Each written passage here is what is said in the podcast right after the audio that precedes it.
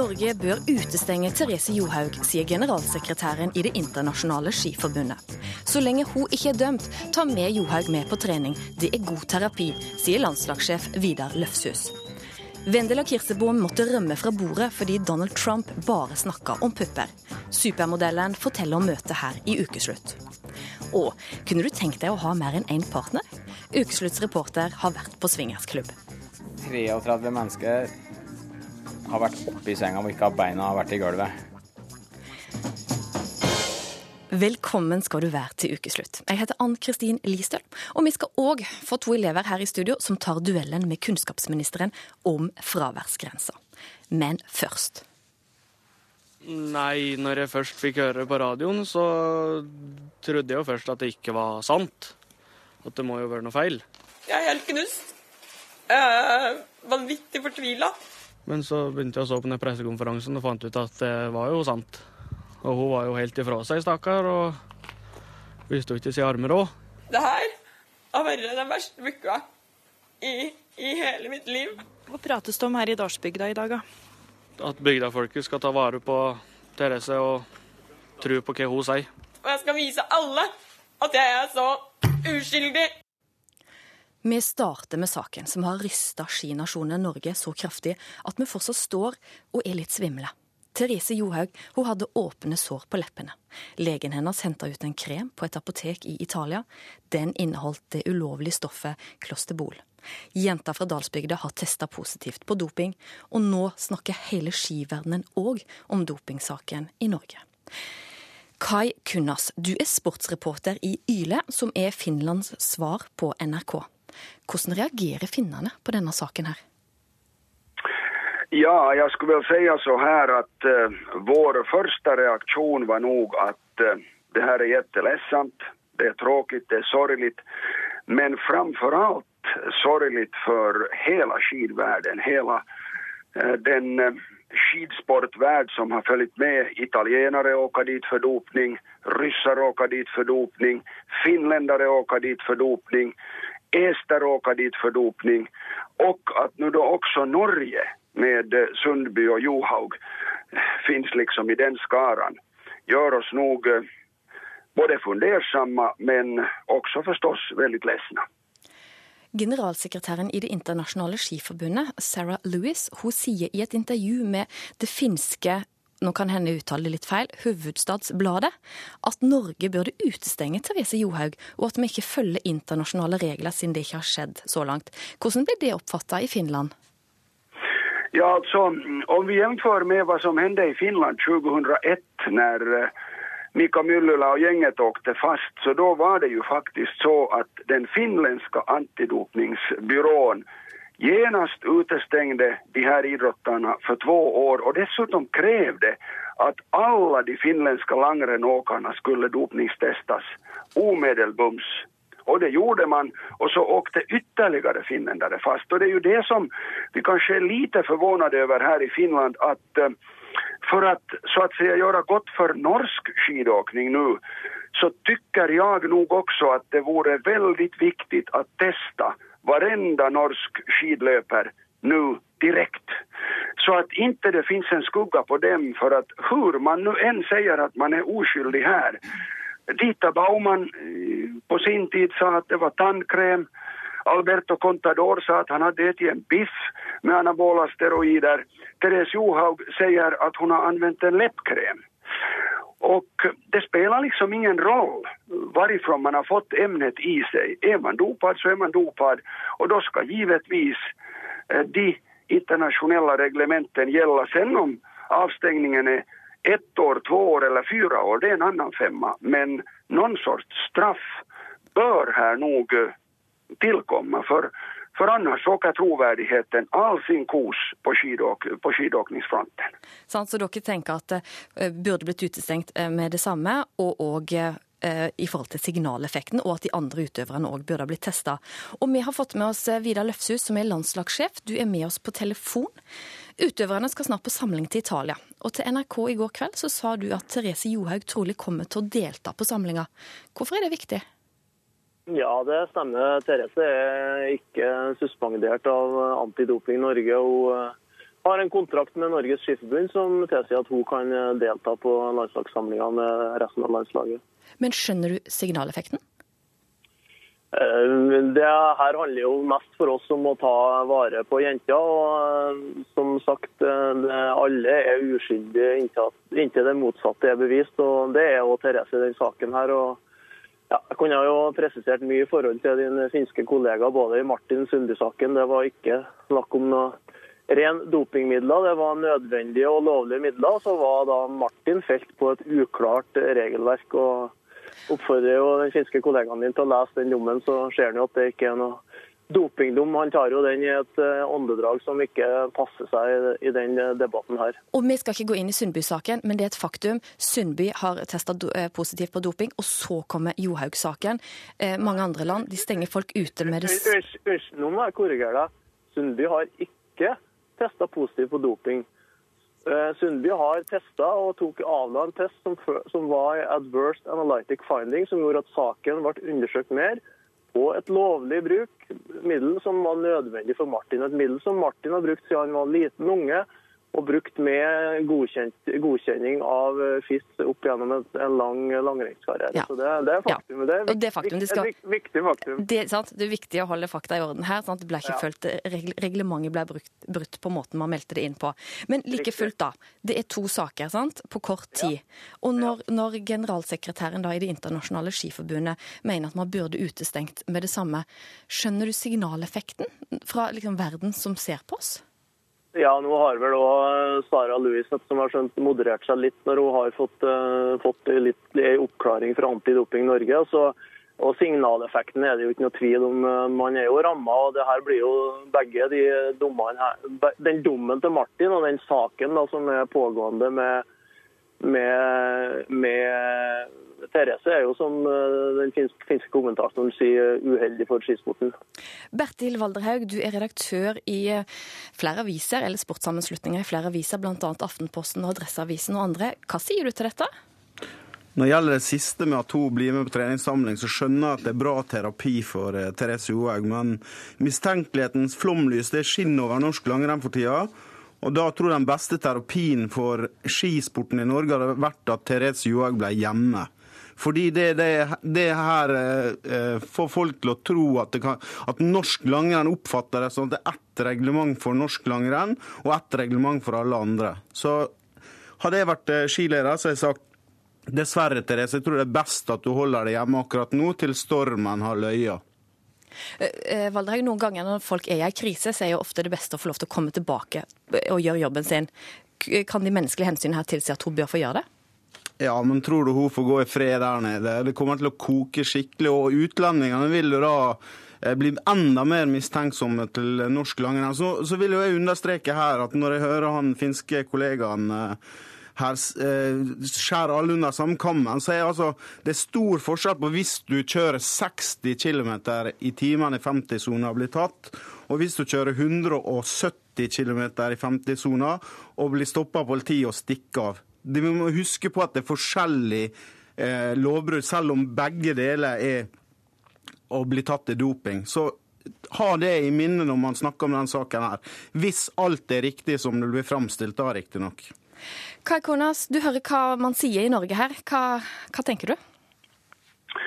Ja, altså jeg tykker jo, som der sades at ok, det er sikkert mye god terapi for Therese Johaug att få åka med landslaget ner på träningsläger och så. Och jag vill inget ont förstås Therese Johaug. Men om jag tänker på skidsporten som helhet så nå behøver faktisk världens skisport terapi. Den behøver terapi i Finland, den behøver terapi i Italien, den behøver terapi i Ryssland Og den behøver terapi i Norge. Den behøver globalt terapi Og den beste terapien nå er at vi faktisk får en troverdighet som oavsett landslag, oavsett flagga, oavsett skidlöper känns rettvis mot de som da forhåpningsvis tävlar rena och utan något dopningsmedel. Och därför tycker jag att den norska antidopningskommittén, det norska skidförbundet måste vara klara här, hjälpa till att faktiskt få den här terapin igång för hela skidvärlden längtar nu efter klara rätta besked från Norge och det tycker jag faktiskt att den här gången kräver lite, lite, vad ska vi säga, eh, hårdare tag och på det sättet i Norge att den där terapieffekten kommer eh, att bli troverdig. Troverdighet er nå det aller, aller, aller, aller viktigste ordet. Og så at Det er jo nettopp omdømme og troverdighet å gå på her, i tillegg til det juridiske.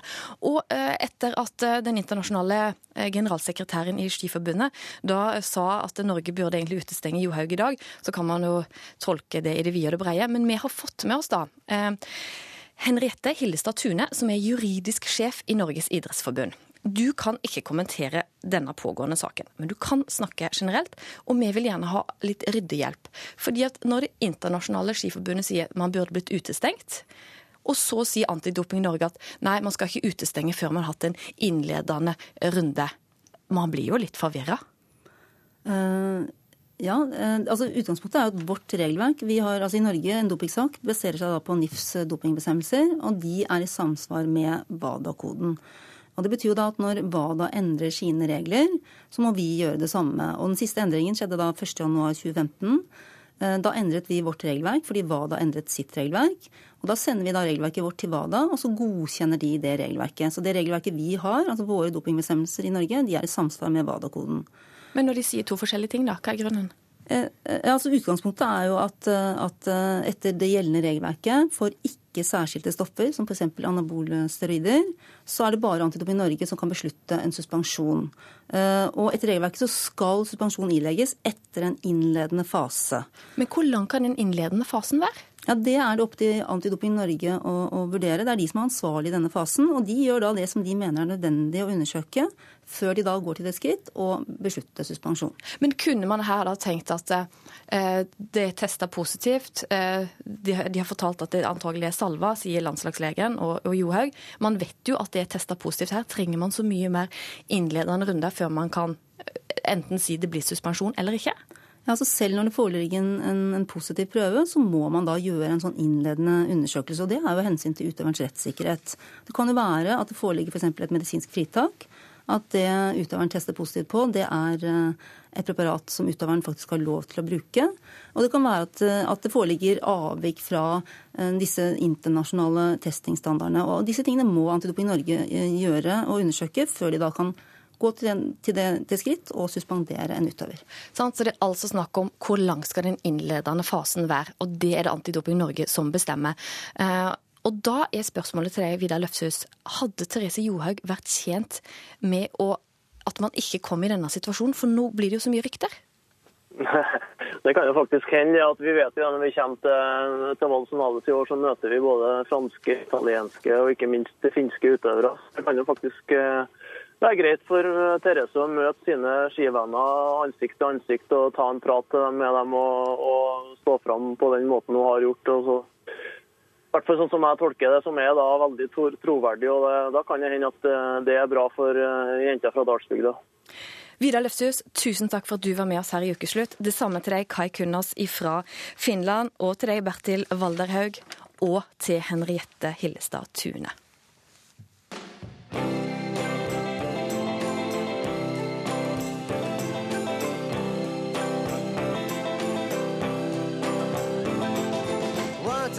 Time you dress so fine, threw the bumps of dime in your prime.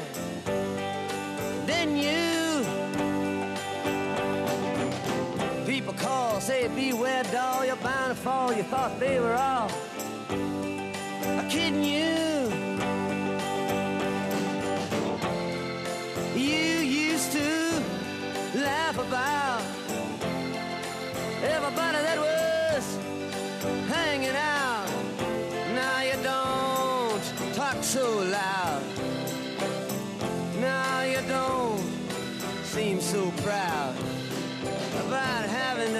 to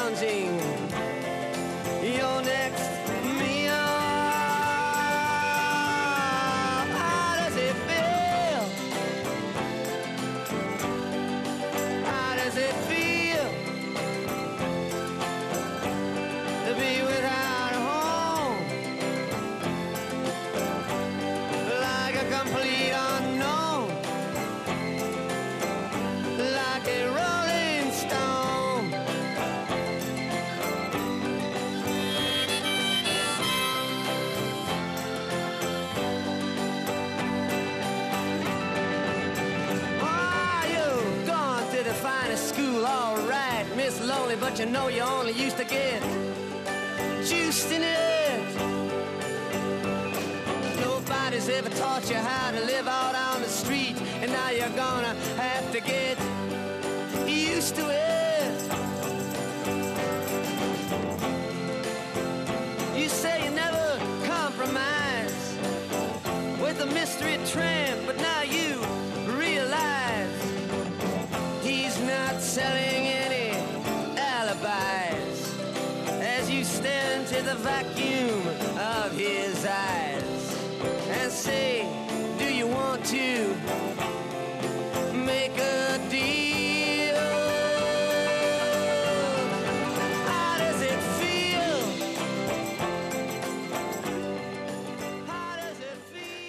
Like a Rolling Stone med Bob Dylan, som har eh, fått Nobelprisen i litteratur denne uka her.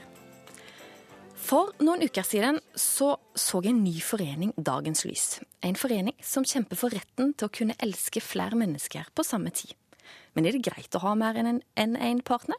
Vår reporter Brage Berglund han har vært på både sexklubb og styremøte i den nye foreningen. Han starta på swingersklubben. For å si det sånn, denne senga her har jeg telt 33 mennesker har vært oppi senga og ikke har beina har vært i gulvet. Jeg står midt inne i et lekerom på swingerklubben VIP-room.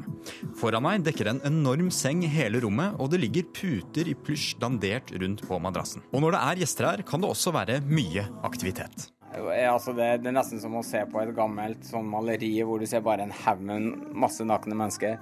Da er det i hvert fall to lag med mennesker strødd over, og alt er i en eller annen form for bevegelse.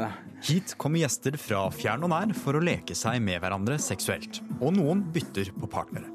Men for andre handler flerpartnerskap om langt mer enn sex. Og derfor skal vi forlate swingerklubben litt, for å møte en gjeng som kjemper for rettighetene til de som har et samliv med flere partnere enn bare én. De såkalt polyamorøse. Eh, Vi rydder litt plass, og så legger vi hjerter på bordet. Jeg vesken. Har du med hjerter? Nei. Ah, vi må ha hjerter på bordet. Vi må ha hjerter på bordet. Lynn Myrdal legger små røde papirhjerter på et bord inne på Litteraturhuset. Lynn er nemlig styreleder i den tre uker gamle interesseorganisasjonen Poli Norge. Og nå er det duket for styremøte. Det er mange forskjellige typer måter man kan være poli på. Man kan være polyamorøs, altså man kan ha følelser for flere personer. Man kan være polikuriøs, nysgjerrig på det hele. Man kan bare ha åpne forhold, um, der det med å ha sex med andre partnere under gitte forutsetninger avtalt av de som er involvert, er OK. Man kan være et kukkholdpar. Uh, Et kukkholdpar vil si det at mannen tenner på at kvinnen har sex med andre menn. Det er en del av hans tenningsmønster. Hvis du er eh, polyamorøs, så kan du jo si som så at du vil gjerne ha retten til å elske, både følelsesmessig og seksuelt, med flere enn én partner. Det sier professor i psykologi og seksualforsker Bente Træn. Hun utdyper litt mer om hvordan flerpartnerskap kan praktiseres. For å være poli er det ikke nødvendigvis det samme som å være swinger eller omvendt, selv om man også kan være nettopp det. Innenfor eh, de polyamorøse så vil det helt klart også være folk som svinger, som er med i et swingersmiljø. Det, det sier seg selv. Men swingers er jo mer en, en livsstil, altså en type seksuell livsstil som, som eh, noen eh, liker å holde på med. Men eh, det handler om mye mer å være poli enn bare å ha seks eh, parallelle seksuelle forbindelser. Tilbake på swingerklubben VIP-room sitter jeg i loungeområdet med Tom Frode Henriksen, som er en av dem som startet opp klubben. Det er en lun stemning med lav musikk fra baren, som òg serverer forfriskninger til gjestene. Jeg spør Tom om han kan forklare meg litt mer om hva swinging faktisk er. Vi har mange medlemmer som, eh, som aldri har sex med andre, men som liker å ha sex med hverandre, og ligge inntil andre og ha sex, og bli sett på andre og den type ting. Og så har vi noen som kommer hit og liker å bytte ha sex med mange andre. Så vi har liksom hele skalaen fra veldig forsiktig atferd hvor du kommer inn og du er kun med kjæresten din og ingenting annet, men du er i et erotisk miljø, til folk som bare slår ut håret og eh, man har det maks gøy, da. Tom understreker at det stilles strenge krav til gjestene. All lek og aktivitet skal være basert på frivillighet og samtykke. I hjørnet av loungen går det en trapp opp i andre etasje til de såkalte lekerommene, og Tom gir meg en omvisning. Husker med kjetting og fotlenker og sånn, så du kan spenne dama fast i. Armer og bein, sånn at hun er fast i en sånn type svevende hengekøye, som blir ofte brukt. Hva hva innover her, da?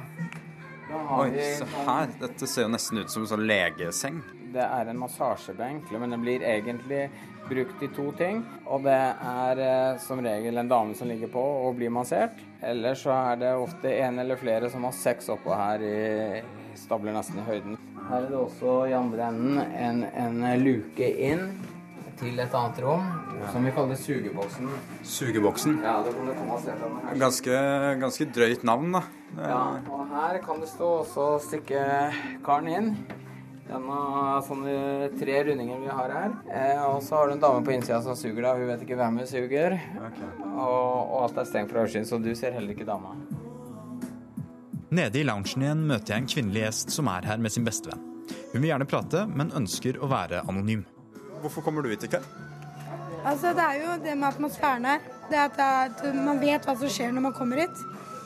Vi, eh, vi er jo likesinnede som kommer for én ting.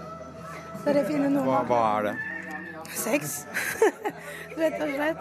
Det å kunne ha det gøy med andre og ikke ha en sånn awkward moment, da. Det er noe annet det å komme hit enn å gå ut på byen og finne seg noe der. Jeg må spørre, for dette er jo en ganske tabubelagt greie ellers i samfunnet. Føler du noen gang på noe skamfølelse eller noe sånt? Det har jeg aldri gjort, ass. Altså, jeg føler at man må få lov til å være den man er. Jeg er glad i meg selv for den jeg er, og jeg kommer aldri til å skamme meg over det. En naken kvinne kommer plutselig ut på gulvet og legger seg ned på et bord. Tom henter fram en sprayboks med krem og noen jordbær, og nå er det tid for temakveldens høydepunkt. Eh, nå har vi Nå setter vi på litt jordbær og litt sånn eh, At gjestene kan kose seg litt. Og så er eh, den vakre kvinnen her eh, bufféfatet i dag. Ja, det er ikke feil å spise jordbær fra den kroppen her, da. I løpet av kvelden har jeg blitt fortalt at et poeng med svinging er å bryte med en del tabuer. Og tilbake hos Poli Norge er også arbeidet for å skape større aksept i samfunnet en viktig del. Og ifølge styremedlem Kristin Nordby Strømme vil Poli Norge åpne for å legalisere ekteskap mellom flere partnere. Selve ekteskapet er én del av det. Um, men det er, uh, det er mye lovgivning rundt um, spesielt familie. Um, fødsel, arv, foreldreskap, uh, omsorgspersoner, sånne ting. Det var vår reporter Brage Bergelund som har tatt et dypdykk her. Og Lynn Myrdal, du er leder av Poli Norge, denne nye foreningen. Du er poli. Hva mm. betyr det for deg? Det at jeg er poli, betyr at jeg kan være meg sjøl. Det betyr at jeg kan utvikle parallelle, intime og nære forhold. Men konkret, da, i ditt liv, hva betyr det? Konkret i mitt liv så betyr det at akkurat nå så er jeg gift. Jeg har vært det i noen år. eh, Med en mann som jeg har vært sammen med i elleve år. Og parallelt med vårt forhold så har han også en kjæreste. Og hvorfor syns du det er greit? Hvorfor skulle jeg ikke synes det var greit? Du, Der tror jeg veldig mange vil si sjalusi, komplikasjoner. Jeg tror det er veldig mange som vil si at det er mange grunner til at de ikke syns det er greit. Så du må fortelle oss hvorfor du syns det er greit. Jeg syns det er greit fordi at den illusjonen om at to mennesker kan fylle hverandre 100% i alt, eh, den biter jeg ikke på. Eh, Jeg vet at jeg har sider som en mann elsker. Jeg har, kan gi han ting. eh, Og vårt forhold kan utfylle han på noen områder. Og så er det noen områder der jeg kommer til kort. Og da syns jeg det er veldig fint at han kan ha, leve ut den delen av sine behov uten at jeg trenger å forandre meg, og uten at han trenger å, å måtte forandre hvem han er. Når kommer du til kort, da? Når jeg kommer til kort? Nei, nå er vi litt personlige her. Men um, For oss så handler det veldig mye om det med, med kos, f.eks. Jeg er ikke en sånn type som elsker å sitte i sofaen og kose i timevis. Jeg er mer sånn her eh, Nå kan vi lage middag, og så kan vi gjøre sånn, og så kan vi gjøre sånn. Han elsker kos. Han elsker å sitte i en armkrok i timevis. Og nå har han en kjæreste som kan sitte i armkroken med han i timevis og kose seg. Men altså, hva er det du For du kan jo òg ha flere partnere, men har ikke Mhm. det nå. Hva er det, som, hva er det i et vanlig forhold, da, vanlig forhold i en tosomhet, hva er det som er med et vanlig forhold som ikke er nok for deg? Hva er det en tosom som er ikke nok for meg? Um, for meg så handler ikke det om at det ikke er nok. For meg så handler det om at jeg ønsker å kunne utforske alle sider av meg sjøl.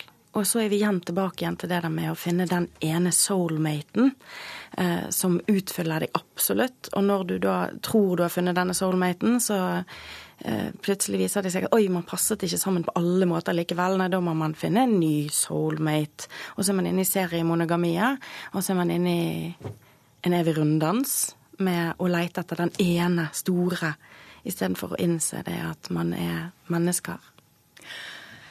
Dere som dere har jo da starta en forening, Poli Mhm. Norge. Denne foreningen, hvorfor trenger Norge en sånn forening?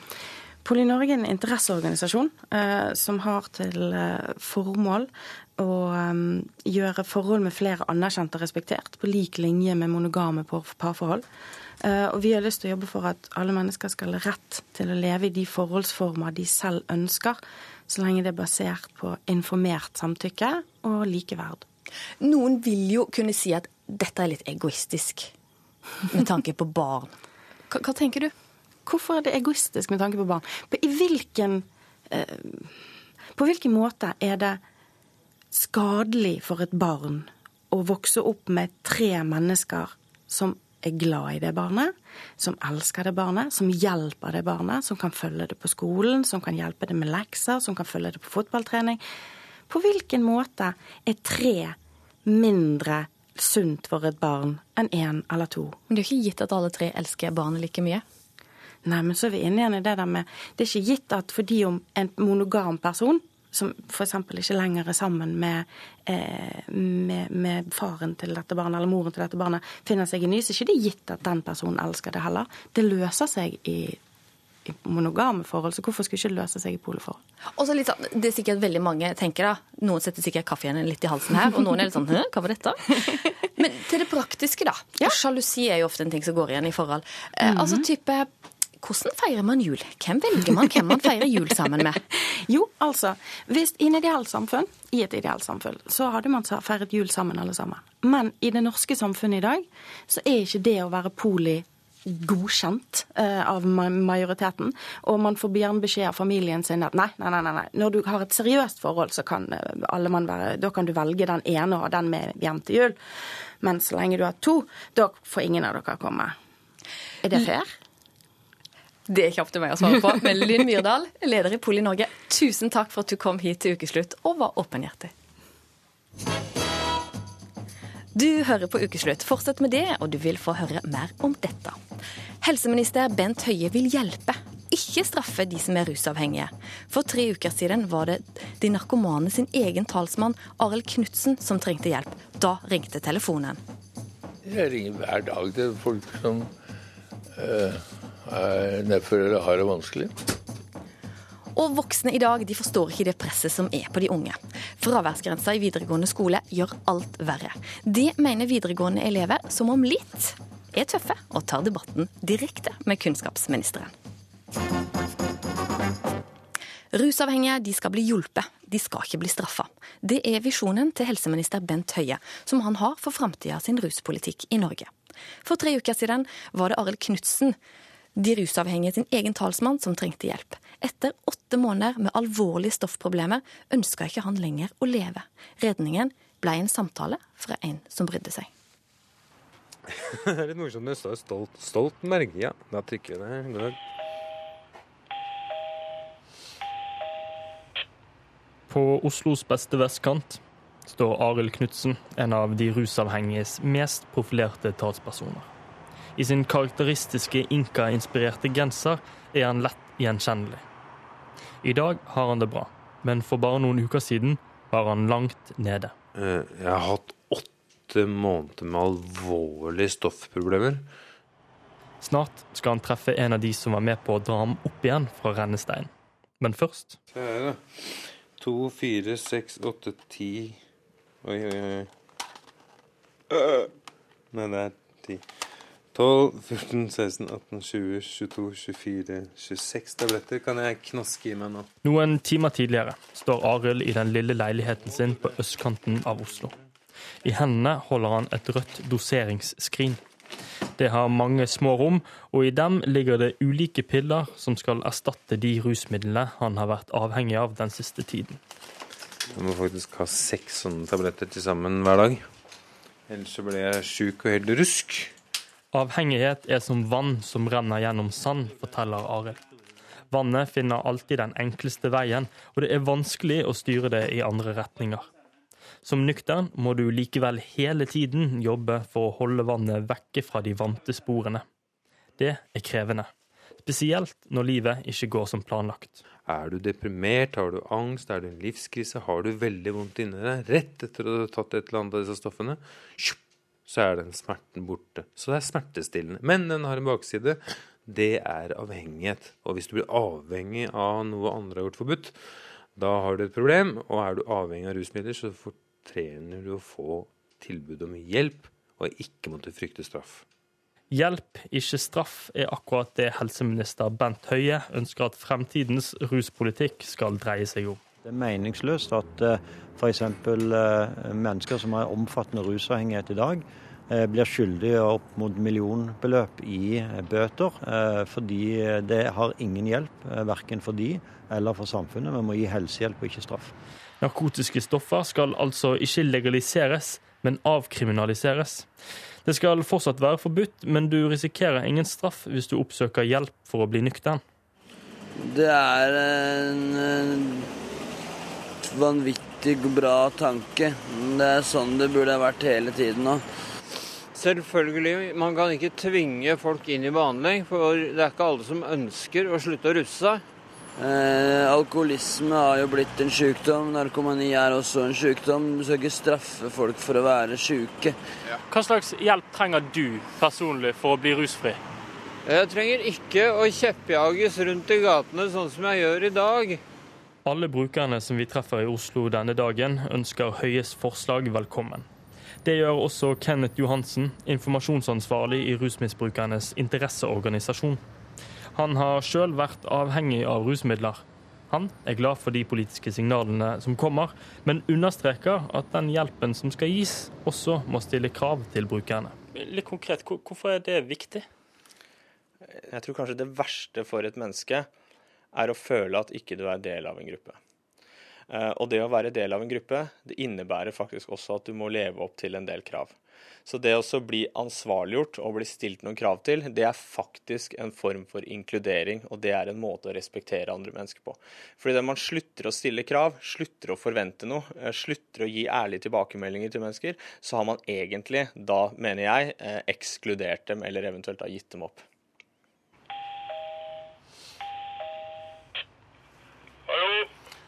Ja, hallo på deg også. Ja.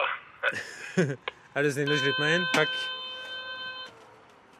Det har gått tre uker siden Arild Knutsen la seg inn på avrusning. Siden da har han fått støtte av venner og familie. Men på et tidspunkt så det bekmørkt ut. Så mørkt at han bestemte seg for å ta sitt eget liv. Da ringte telefonen. Hei. Hei, så hyggelig. Det var koselig å se deg. Elegant Herman. Ja, jeg er fornøyd selv. I andre enden av røret var stemmen til Thorvald Stoltenberg. Den tidligere utenriksministeren har i mange år kjempet de rusavhengiges sak. Inspirasjonen fikk han av sin nå avdøde datter Ninni Stoltenberg. Da han oppdaget at Arild ikke lenger var synlig, forsto han at han hadde det vondt. Da ringte han og sa at han savnet han. Det var helt naturlig for meg. Eh, Jeg ringer hver dag til folk som uh, er nedfor eller har det vanskelig. Og uh, for meg var det ikke avgjørende om han var suicidal eller ikke, men jeg skjønte han ikke hadde det så bra. Og da ringte jeg. Alle spør Hvor lenge av meg Hvor lenge er det som har tatt narkotika nå i fullt omsorg, i omsorg og omtanke? Hvor lenge er du tenkt å være inne på avrusning? Hvor lenge får du være på avrusning? Har du vurdert å være til langtidsbehandling? Hvor lenge er det siden du har brukt narkotika nå? Og så kommer det en og så snakker til meg som person og, og ser meg. Og det er det jeg trengte, og det er det han så. Thorvald og Ninni Stoltenberg var blant de første som ga rusavhengige en stemme i Norge. I 2014 døde Ninni av hjertesvikt. Thorvald har fortsatt arbeidet. Sjøl har han lenge tatt til orde for at rusavhengige skal hjelpes, ikke straffes. Det er strålende at uh, helseministeren uh, tar det opp igjen og, og, og vil gjennomføre det. Hva legger du i det begrepet hjelp? Jeg tror det er først og fremst uh, diktert av din min holdning. Hvis du syns at uh, rusbrukere er uh, noen skitne folk som ikke hører hjemme og bare ødelegger uh, inntrykk av byen og om lokalsamfunn osv., så, videre, så greier du ikke å gi hjelp. Det er din indre glød og din indre engasjement som avgjør om det kommer ut som hjelp. Og heldigvis så har jeg inntrykk av nå at det blir flere og flere som begynner å se hvor viktig det er å få gjort noe med rusbruken for hele vårt samfunn. May God's blessing keep you always. May your wishes all come true. May you always do for others and let others do May you build a ladder to the stars and climb on every rung. May you stay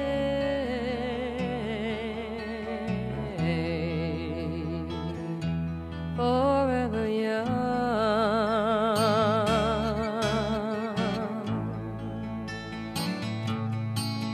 May you grow up to be righteous. May you grow up to be true. May you always know the truth and see the light surrounding you. May you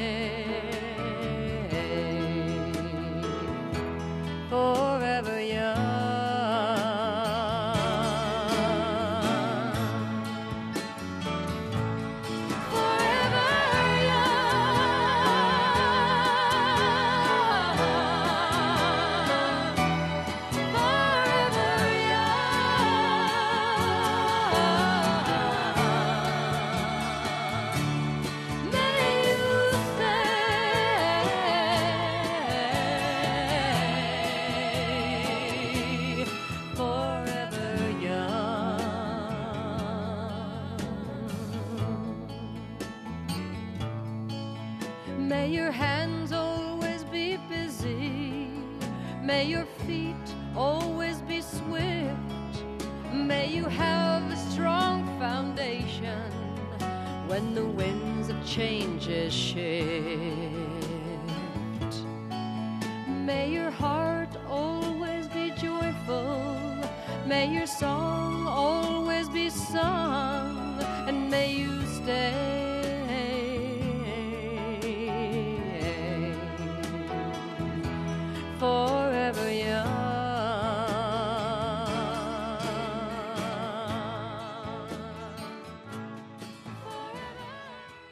Nok en Bob Dylan-låt. Denne gangen var det 'Forever Young' med Joan Baez. Og før det så var det reporter Jaren Rie Mikkelsen som hadde møtt Arild Knutsen og Thorvald Stoltenberg. Kritikken den har hagla mot kunnskapsministeren denne høsten. Både fra elever, men òg fra leger, som mener det er tøysete at de skal bruke arbeidstida si på å ta imot skoleelever som bare trenger bekreftelse på at de er syke.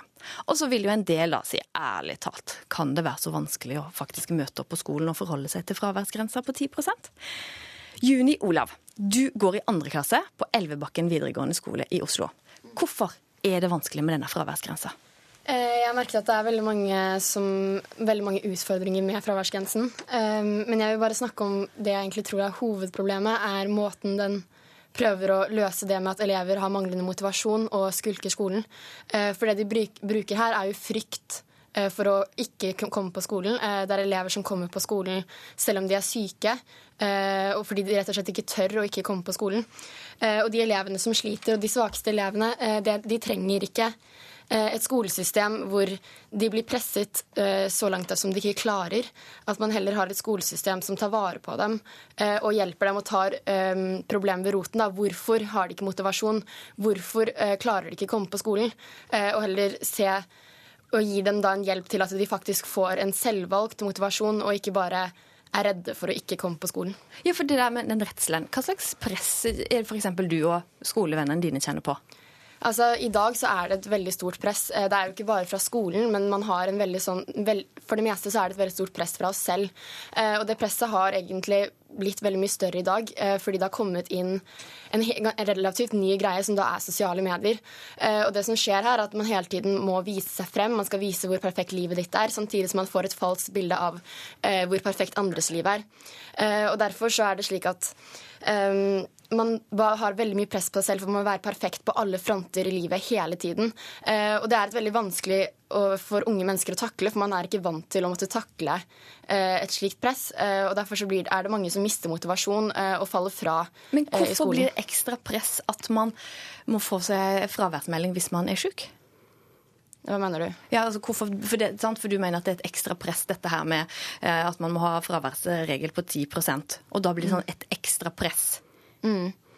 Ja, fordi da er det jo slik at når man eh, kommer på skolen, eh, eller ikke klarer å komme på skolen, så er det det at det er liksom denne standarden, for dette skal elevene klare. De skal klare å komme på skolen så så ofte som det her. Dette er det vi forventer av elevene i den norske skolen. Eh, og når man da kjenner at man ikke klarer det, så føler man seg jo under gjennomsnittet av det som elevene burde klare. Eh, da føler man at man ikke er tilstrekkelig i forhold til det alle andre skal klare. Eh, og det gir jo et veldig dårlig selvbilde. Sånn at et ytterligere press. Kunnskapsministeren er her i studio. Torbjørn Røe Isaksen, da du og meg gikk på videregående, så var det ikke sosiale medier. Skjønner du dette presset som Juni Olav snakker om? Ja, absolutt. Jeg tror det er, det er veldig annerledes enn eh, da, mange, da vi gikk på skolen. Da veldig mange som hører på, gikk på skolen. Eh, nå har det alltid vært mye press tror jeg, for, for tenåringer og for ungdom. For det, er, det er en vanskelig tid. Man skal finne identiteten sin. Eh, det har alltid vært merkepress, kroppspress, skjønnhetspress. Men sosiale medier har nok gjort det tydeligere og vanskeligere. Og så vet vi også at f.eks. Eh, forekomsten av psykiske lidelser blant ungdom øker ganske kraftig. og det, Nå vet vi ikke helt presist om det er fordi at vi oppdager mer og kan hjelpe mer, eller om det er fordi at forekomsten er større. Men det er jo uansett noe som burde bekymre oss.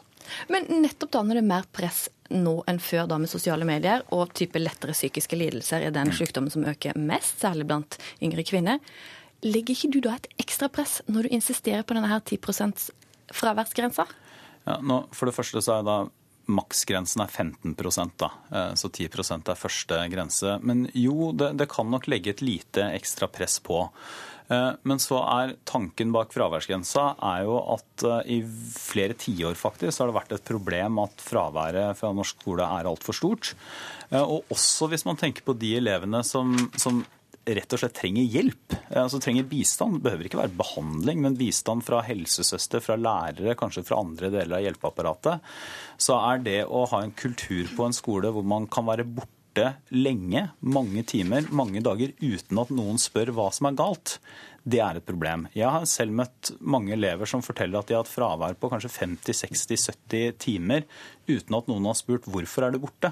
Og det er klart, Da er det veldig vanskelig å kunne hjelpe og sette i gang tiltak og spørre hva er det som egentlig er årsaken til at det er borte, hvis man heller ikke klarer å fange opp fraværet. Men sant, Du er med på da at det kanskje blir et litt ekstra press. Men kan det hende at det ekstra presset gjør det verre for de som allerede har veldig mye press, mens at det kan hjelpe de som er for mye vekk fra skolen? Altså, jeg, jeg vet at en del føler det som et ekstra press, men så mener jeg at fordelene med å ha en klar, fast grense er større. Og jeg mener at det også gjelder veldig klart for de som har mer alvorlige problemer som de sliter med. Fordi at En av de tingene jeg er aller mest redd for, det er at uh, elever på skolen som sliter med problemer, ikke blir oppdaga, ikke forteller det til noen, ikke blir spurt. Og at man da heller ikke klarer å sette inn tiltak og hjelpe. Men så kan jo ikke fraværsgrensa alene gjøre noe med dette. Det er derfor vi f.eks. har styrka helsesøstertjenesten kraftig. Vi, vi, jobber veldig mye med psykisk helse og psykiske helsevesenet. Antimobbearbeidet er viktig i den sammenhengen her. Men OK, vi holder oss til da fraværsgrensa.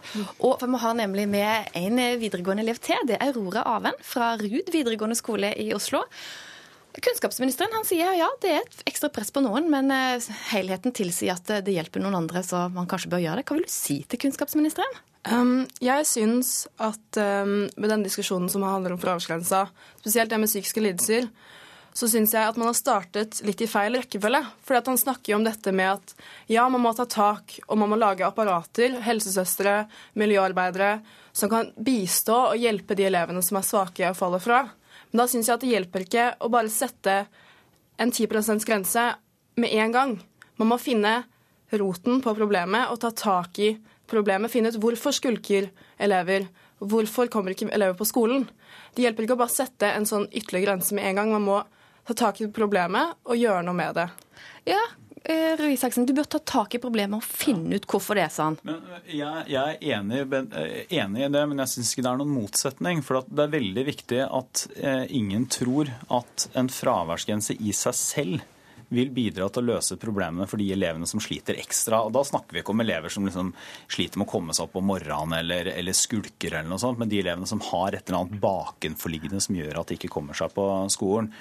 Så det forutsetter samtidig ja, altså, Men, men hvis du starter i feil rekkefølge, da? Altså, Nei, jeg, for du, du, kunne ha funnet ut grunnen til dette her. Og nå liksom både Juni Olav og Aurora Aven de rekker opp hånda, da. Ja. Juni Olav først. Det han sier er at han har uh, tenkt å ha at denne fraværsgrensen skal hjelpe til med at, at, lærerne merker elever som blir borte. Eh, fordi at de kanskje ikke før la merke til de elevene som er borte. Men det fører ikke til at elever um, det gjør at elevene ikke tør å være borte, og at de presser seg så langt at tilstanden deres kanskje blir verre. At man, eh, han, men, fordi da blir jo ikke elevene slik altså, de holder seg hjemme når de er dårlige, eh, og at de Presser seg til å komme på skolen når de er veldig dårlige? Til å komme på skolen, og Da merker jo ikke skolesystemet at de sliter, fordi da bare presser de seg selv og kommer på skolen selv om de egentlig ikke er uh, kapable til det. At det egentlig forverrer tilstanden deres uh, i det lengre løp. Var ikke det et ganske godt poeng, Isaksen? Uh, nei, jeg, jeg, jeg, syns, ja, men jeg, jeg syns ikke, ikke, det er et godt poeng, fordi at det nesten gjennomgående så ser man, hvis man ser på hva er det som er det verste som kan skje med både folk som er syke, men også som har psykiske lidelser, så er det at man blir passivisert og faller ut både av nettverk, av sosiale settinger, at man ikke, ikke liksom går helt ut av den vanlige rutinen. Så selvfølgelig, noen ganger så må man være hjemme fra skolen fordi man men, er for syk. Men tror du at denne fraværsgrensen ja, tror du at denne fraværsgrensen vil hjelpe til å dytte fram de svake elevene istedenfor å dra de ned? Ja, altså jeg tror fravær fraværsgrensen kan bidra til at det blir mer synlig at de elevene som trenger hjelp, raskere får det. Men så forutsetter jo det samtidig at vi også gjør andre ting. F.eks. gjør helsesøstertjenesten bedre. Men Hva med de elevene som ikke tør å si fra, da? Jo, men Det verste som kan skje med de elevene som ikke tør å si fra, det er jo at de blir borte fra skolen. At de får lov til å gå hjemme, og at ingen, selv om du har vært borte i dag etter dag, time etter time, spør går det egentlig bra med deg. Eh, og det er altså det å være til stede, være i et sosialt fellesskap, være der hvor andre også kan se deg og spørre, mener jeg er en viktig verdi. Men så bare føye til én ting til. Det er jo at dette er jo en av de tingene også som gjør at vi skal forske på denne fraværsgrensen. Ja, og da skal jeg bare si, for Det er nemlig ikke forska på i forkant. Den vil noen si dere kunne ha gjort. Men hva skal til for at du hører på disse to og begynne å revurdere det litt? Og svar litt fort? Nei, altså Vi hører på alle innspill som kommer. Eh, og det er ikke sånn at eh, alt ved fraværsgrensa er skrevet i sten. Vi skal forske, forske på den, og så etter tre år skal vi vurdere om vi i det hele tatt skal ha en fraværsgrense. Ja. Aurora Raven, du får siste ordet her. Eh, fordi Det jeg har lyst til å si, er at vi som går på videregående skole nå, det er vi som skal forme vår fremtid. Og vi går på videregående, og det, dette er en hverdag vi må møte hver eneste dag.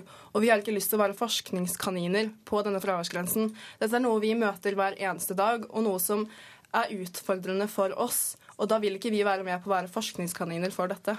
Tusen takk til dere, Juni Olav, Aurora Aven og Torbjørn Røe Isaksen.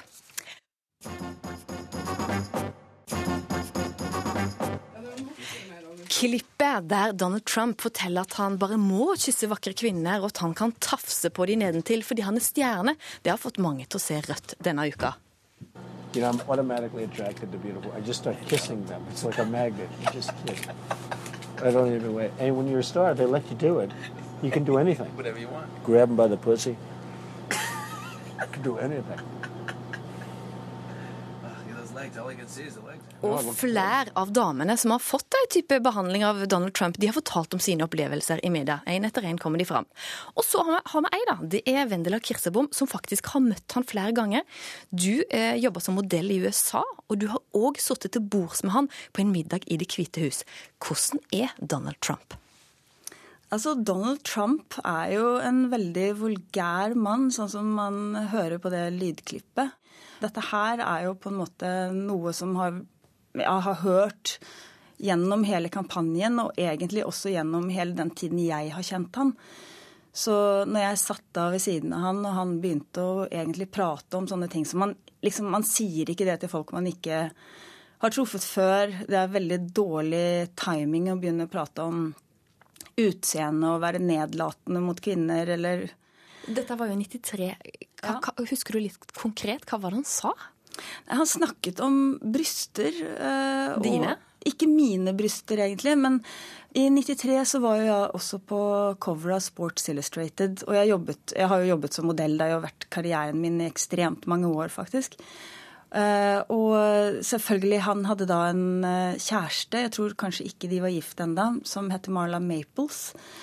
Og jeg vet ikke, han begynte liksom da å prate om henne i forhold til modellyrket og liksom mitt yrke og det jeg gjorde og Sports Illustrated, og liksom så begynte det å bli ja, mer og mer og mer, ikke sant. Og så andre damer rundt omkring bordene og Altså han drev han og kommenterte brystene til andre kvinner som Ja, var der? Absolutt. Og liksom på en måte hvis de var eh, fake eller ikke, store eller altså, altså ting som du liksom på en måte Jeg vet ikke. Du blir liksom satt ut, og det, det passer liksom ikke. Og jeg følte at det var veldig ufint, egentlig, å sitte sammen med meg og prate om de tingene. Det er veldig mye annet å prate om. Men når du sitter der, da, sant? det er en høytidelig middag, det er i Det, hvite hus, Mm. og eh, partneren din, som du er blitt plassert sammen med, begynner å snakke om brystene til de som type sitter der, Mm. og du føler ubehag. Men hva gjør man i en sånn situasjon? I begynnelsen så føler du kanskje at du sitter og hører på det og tenker at det kanskje han slutter sikkert snart. Liksom, ler du litt Ja, i litt starten? sånn ubehagelig. Sånn. Litt sånn, ja, Man er ikke helt sikker på hva man skal gjøre, liksom. Men etter hvert så bare følte jeg at jeg måtte bare si ifra. Til han? Til han. Og så følte jeg at kanskje ikke det hjalp. Jeg var vel kanskje ikke sånn Hold kjeft, liksom. Men altså mer sånn Kan Hva du være snill? Jeg husker ikke helt, men kanskje vi kan prate. Eller begynte å liksom lede an til andre ting å prate om, da. Og det gikk ikke? Eh, nei, jeg følte vel ikke at, det, at han var veldig mottagelig for det. Så til slutt så følte jeg at det her ble bare for mye. Alle andre rundt bordet begynte også å, å si ting. Eh, jeg gikk opp til bordet ved siden av hvor Graydon Carter satt. Han er sjefredaktør i Vanity Fair, og han er jo den som da inviterte meg på denne middagen. Så du gikk og ba om å få bli bytta? Ja, helt riktig. og det har jo han skrevet faktisk i den siste issuen nå, eller siste utgaven av Vanity Fair, så har jo han sagt akkurat dette, da. Ja, så det er jo pussig at han også husker det veldig godt. For er her, her må hente, det er noen aviser som har omtalt dette tidligere, og i Dagbladet så står det her, de har sitert, de sier at det, eh, han redaktøren at jeg tenkte det ville være stas for Vendela å sitte ved siden av Trump. Det viste seg overhodet ikke å være tilfellet. Etter tre kvarter kom hun bort til meg helt på gråten og tryglet om å få bytte plass. Ja, jeg vet ikke om jeg gråt, jeg er ikke helt sikker på det. Men eh, det høres jo litt mer heftig ut da til historien. Men eh, jeg var i hvert fall opprørt og sint. Og ja. Kan du klare å si hva var det han fikk deg til å føle? Man, man vet liksom ikke helt hva man skal si, og så føler du at det er veldig nedlatende i forhold til altså også yrket mitt og meg som kvinne. Jeg har jobbet i veldig mange år som UNICEF-ambassadør internasjonalt. Eh, Det var jo en av de tingene som jeg tror gjorde at jeg ble invitert til denne middagen for. Jeg hadde også truffet Hillary og Bill veldig mange ganger i forkant av at han ble president. Vært med på mange sånn hyggelige, små, intime middager eh, hvor det ble diskutert politikk og sånt. Så altså, jeg føler at jeg liksom hadde liksom noe mer å by på enn å bare prate om pupper eller høre på han prate om pupper, liksom.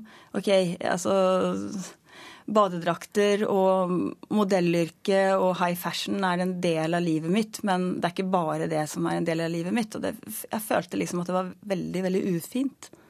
Han har jo beklaga dette her, og familien har beklaga. Og en del republikanere har trukket støtta si til han. Så dette her har jo endra ting. Men noen sier jo ting bare for å sjokkere, og så mener de de egentlig ikke. Klarer du å plassere han litt som type der?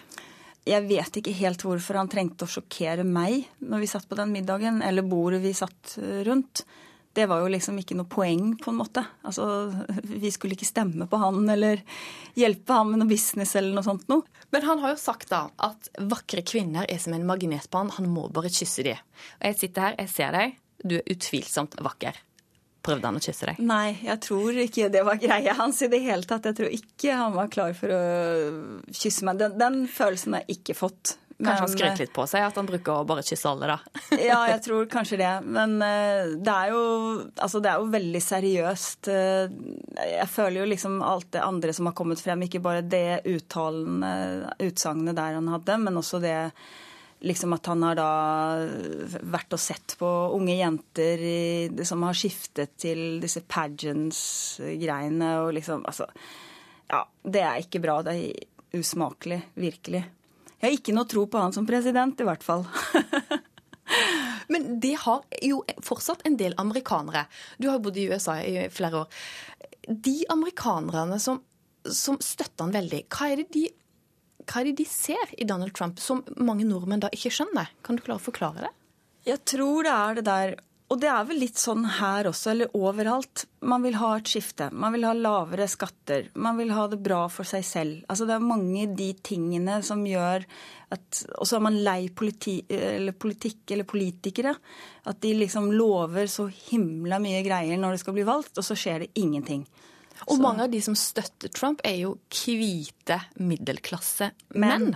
Ja, ikke sant. Og de syns vel kanskje det er helt kult å snakke om pupper og ben og Ja. Men man kan jo ikke ha en president som på en måte ikke liker muslimer, ikke liker homofile, ikke liker kvinner. Så det blir jo ekstremt få mennesker igjen. Det hadde jo blitt en forferdelig verden å leve i hvis det bare var hvite menn eh, som snakket om pupper, som fortsatte, liksom. Vendela Kirsebom, tusen takk for at du kom til oss her i Ukeslutt. Tusen takk. Det var veldig hyggelig. Hva slags vær blir det i helga? Det skal vi snart få vite, for vi har fått statsmeteorolog Christian Gislefoss inn i studio. Men du har noe egentlig litt spennende å fortelle om Svalbard, du. Hva, hva skjer der? Du, Der har det regnet mye, og det er ikke hver dag det kommer så mye nedbør i løpet av et døgn som nå har kommet. På Isfjord radio 42,3 millimeter. Og det er faktisk ny døgnrekord for oktober måned. Og denne nedbøren den kom som regn. Men nå blir det kaldere på Spitsbergen, og da går nedbøren fort over til sludd og snø. I tillegg vil det blåse mye både i dag og i morgen. Altså vi snakker Vestlig liten kuling, kanskje opp i liten storm utsatte steder. Så mye vind her. Beveger vi oss til Nord-Norge, så blir det litt regn i Nord-Troms i dag og ytre strøk av Finnmark. Opphold på vidda, Sør-Troms og Nordland. Her blir det mye pent vær. I morgen fortsatt mye sol å finne i Nordland og Troms, mens i Finnmark litt mer skyer her og litt regn i ytre strøk. Og når det gjelder vinden i eh, nordlige delen av landet vårt, så ligger den opp imot en eh, vestlig stiv kuling i, eh, i Finnmark. Mens i Nordland og Troms er det skiftende bris. Kan vel blåse litt sør for Bodø, opp i sørøstlig frisk bris. Trøndelag og Romsdal mye pent vær, særlig i dag, men så blir det gradvis mer og mer skyer fra sør. Vinden ligger på en sørøst frisk bris til liten kuling. Vestlandet sør for Stad i dag en del sol, men så blir det mer og mer skyer, og regnvær er på vei inn mot eh, Rogaland. Og det blir det også litt av i morgen, særlig tidlig på dagen. Ellers oppholdsvær i eh, Hordaland og Sogn og Fjordane. Og østafjells, her eh, kommer det også mer og mer skyer og nedbør utover ettermiddagen og kvelden. Først på Sørlandet, så Østlandet. Tusen takk til deg, Kristian Gislefoss. Ansvarlig for denne sendinga har vært Kari Li, teknisk ansvarlig Hans Ole Hummelvold. Jeg heter Ann Kristin Listøl, og jeg håper du får en strålende fin dag.